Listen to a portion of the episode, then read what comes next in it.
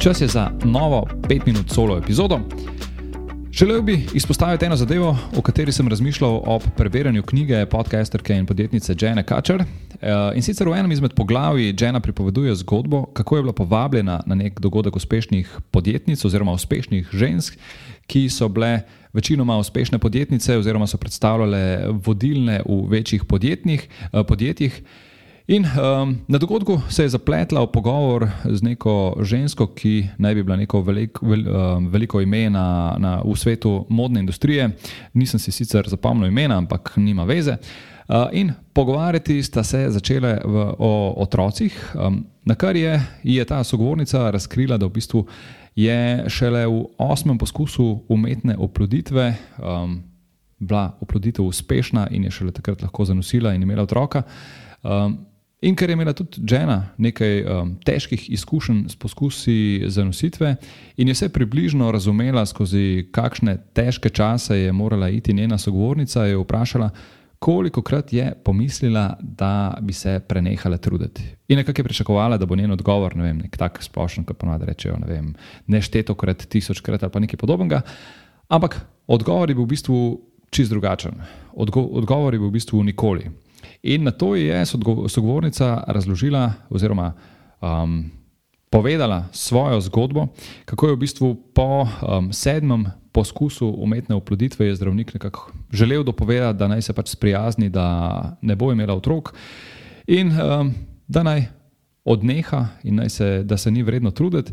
In um, nekako ni želela odnehati, ni se, ni se želela sprijazniti s tem, ker je pred vem, leti na TV-ju gledala, kako je Brooke Shields, uh, ameriška igralka, razkrila svojo zgodbo o poskusih zanositve, uh, zanositve in um, kako je njej v osmem poskusu uspelo zanositi, in tako je v bistvu se držala te, oziroma uklepala te zgodbe Brooke Shields in rekla, če je lahko njej uspel, bo pa tudi meni, in je pač uh, želela še enkrat poskusiti, in res v tistem osmem poskusu je tudi njej uspelo.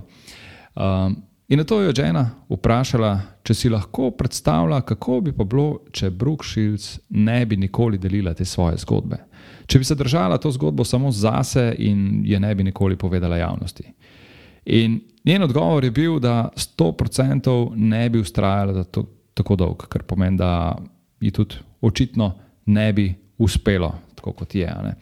Um, In to je v bistvu nek dokaz, kako so lahko osebne zgodbe pomembne in kakšen vpliv imajo lahko neke osebne zgodbe na ljudi okoli nas, oziroma na ljudi okoli nje. Takrat, in čez nekaj trenutkov je ta ista oseba stopila na oder in pred celo dvorano um, delila svojo zgodbo ki je v bistvu do tistega trenutka ni poznal skoraj nihče. Tudi njeni najožji sodelavci niso nikoli um, slišali za to zgodbo, niso nikoli niti slutili, kaj se je dogajalo v življenju, in so tudi oni prvič v bistvu slišali takšno zgodbo.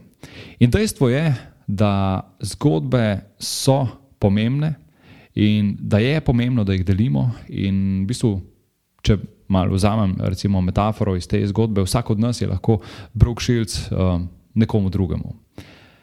In težko, težko zdaj nekako generalno rečem um, ali pa nekako posplošujem na vse ljudi, ampak se mi zdi, da, da smo slovenci nasploh takšni, da težke zgodbe običajno raje zadržimo zase, jih nekako potlačimo, kar se le da globoko in od njih nikoli ne spregovorimo, če se le da.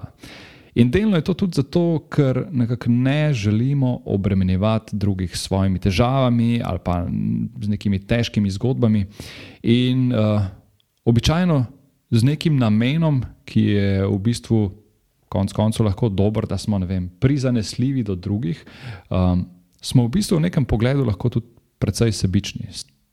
Se bi lahko naše zgodbe pomagale drugim v podobnih situacijah da v bistvu pač vedo, da vem, niso sami, da vedo, da se da prebroditi neko, neko situacijo.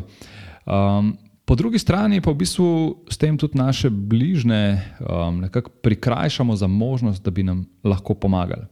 In pred kratkim sem poslušal en pogovor, ki ga je imel Simon Sinek na, na podkastu Diary of a CEO.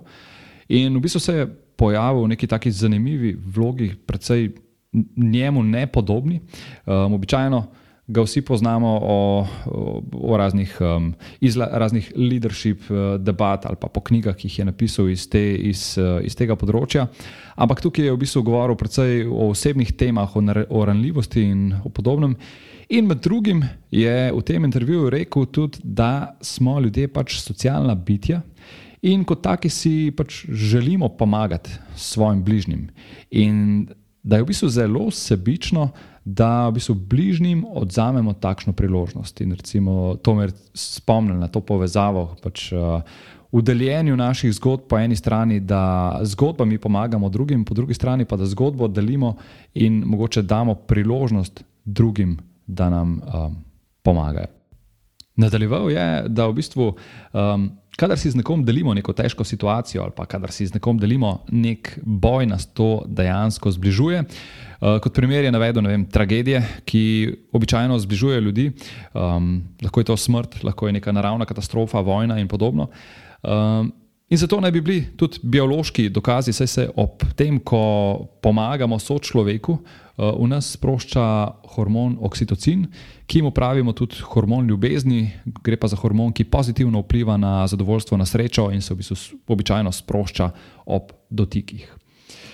Skratka, kar sem želel povedati, je to, da zgodbe so pomembne, da, je pomembno, da je pomembno, da jih delimo in um, da s tem lahko pomagamo drugim, in hkrati tudi pustimo drugim, da pomagajo nam. In za konec. Um, razmisli, katere so tiste zgodbe, ki so imele nek velik, močan vpliv na te, tiste, ki so spremenile tok tvojega življenja, in pa katere so tiste, za katere meniš, da jih je vredno deliti. To je to za danes, se slišimo spet v prihodnji epizodi. Še ena zadeva, preden greš, oziroma dve zadevi, preden greš. Najprej res hvala za poslušanje podcasta. Če ti je bila epizoda všeč, te vabim poslušati ostalih epizod, tistih, ki so že objavljene in tistih, ki še bodo. Hkrati pa te prosim, da na svoji podcast platformi podaš oceno oziroma postiš komentar ali pa mogoče še več, da deliš podcast s svojimi prijatelji oziroma osebami, za katere meniš, da bi jih utegnil zanimati. In mi tako pomagaš pri širjenju prepoznavnosti podcasta. Še enkrat hvala in se slišimo v prihodnji epizodi.